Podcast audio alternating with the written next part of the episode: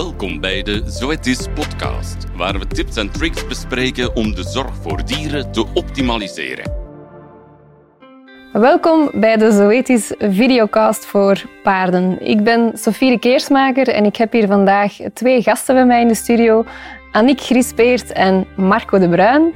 Annick werkt als dierenarts bij paardenpraktijk Equip, maar is bovendien ook de verantwoordelijke voor Equifocus Point Belgium, een landelijk meldpunt voor infectieuze ziekten bij het paard.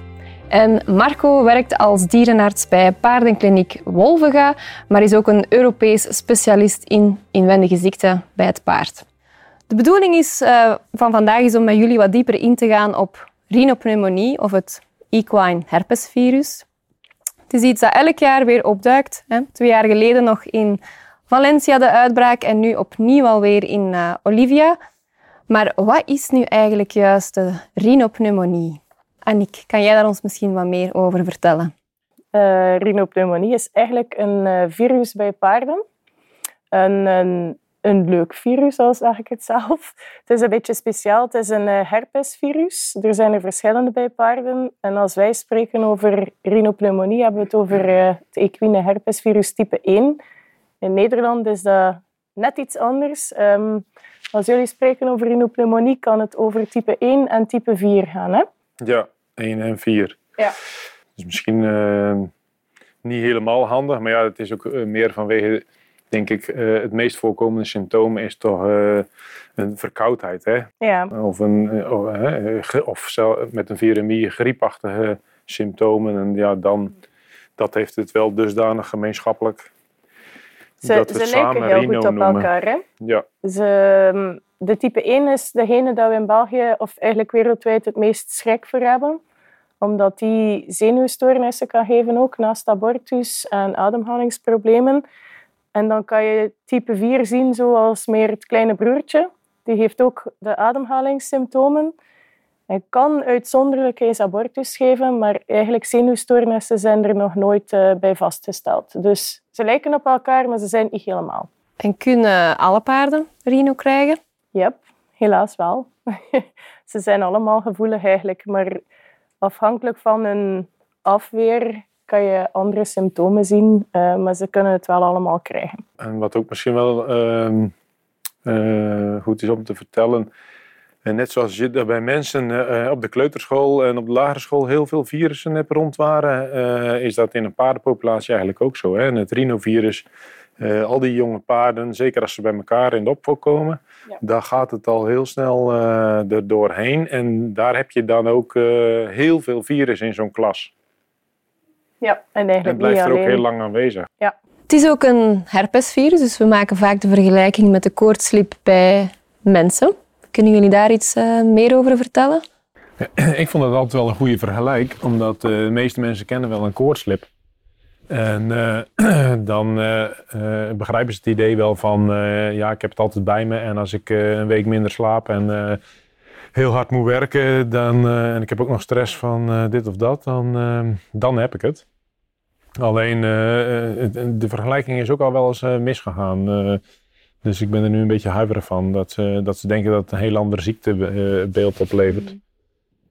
Maar in principe is het, het fenomeen van de, de dragerschap is, is eigenlijk essentieel voor het begrijpen van de rhino. In die, in die kleuterklas van, uh, van, van, van jonge paarden uh, uh, waart het zodanig rond dat ze het allemaal wel te zien krijgen. Allemaal wel in min of meerdere mate griepachtige verschijnselen krijgen. En een, een, groot deel daarvan, of een deel daarvan, blijft het virus bij zich houden. meer specifiek dan in de zenuwknopen van de aangezichtszenuw. En ehm, uh, dat paard kan in zijn latere leven, als hij een keer een uh, periode heeft van, uh, van stress, om wat voor reden dan ook, opnieuw een uitscheider worden en een bron worden voor zijn omgeving.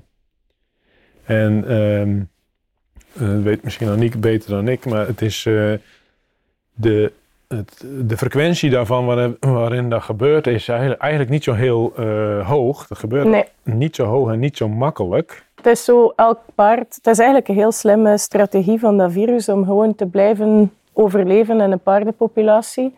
Want eigenlijk als het paard ziek wordt, dan gaat zijn lichaam dat virus bestrijden en ook terug opruimen. En wat doet dat virus? Dat verstopt zich en dat is daar inactief. Dat doet helemaal niks, zodanig dat het daar ook kan blijven overleven. En zoals hij zegt, momenten van stress of uh, ziekte kan het heropflakkeren. En dat gebeurt ook wel, maar er zijn ook onderzoeken gebeurd waaruit dat blijkt dat, dat het belang van die reactivatie om een virus te verspreiden, dat dat soms wel overschat wordt. Want ze hebben nog een, een groep paarden genomen en in de weide gezet, waarvan het er heel deel nog nooit renovator gemaakt. En dat er een paar in zaten die uh, drager waren. Ze hebben die dragers eigenlijk lange tijd hoge dosis cortisone gegeven, omdat dat een gekend protocol is. Dat onderdrukt uw afweer en dan kan het virus terug opflakkeren. Dat is ook gebeurd. Die paarden zijn positief geworden, hebben virus uitgescheiden. Maar wonderbaarlijk genoeg is geen enkel ander paard in heel die kudde besmet geraakt. Dus het gebeurt wel, maar de, de mate waarin dat ze op die manier nieuwe paarden kunnen besmetten, is waarschijnlijk eerder overschat.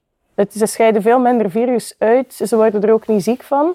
En ze scheiden veel minder virus uit dan, uh, dan nodig is om, om grote aantallen paarden te gaan besmetten. Ja. Dat is helemaal anders dan ja, een ziekte die door een populatie waart. Dat is, Ja, dat is eh, heel anders dan een uh, griepepidemie waarbij de een de ander moet, per se moet aansteken. Ja, je moet dus ideale omstandigheden hebben. Ja. Zoals bijvoorbeeld op een wedstrijd, waar dat ze meerdere weken blijven en dan uh, uitgeput raken. Ze hebben de reis gehad, uh, ze krijgen veel stressprikkels.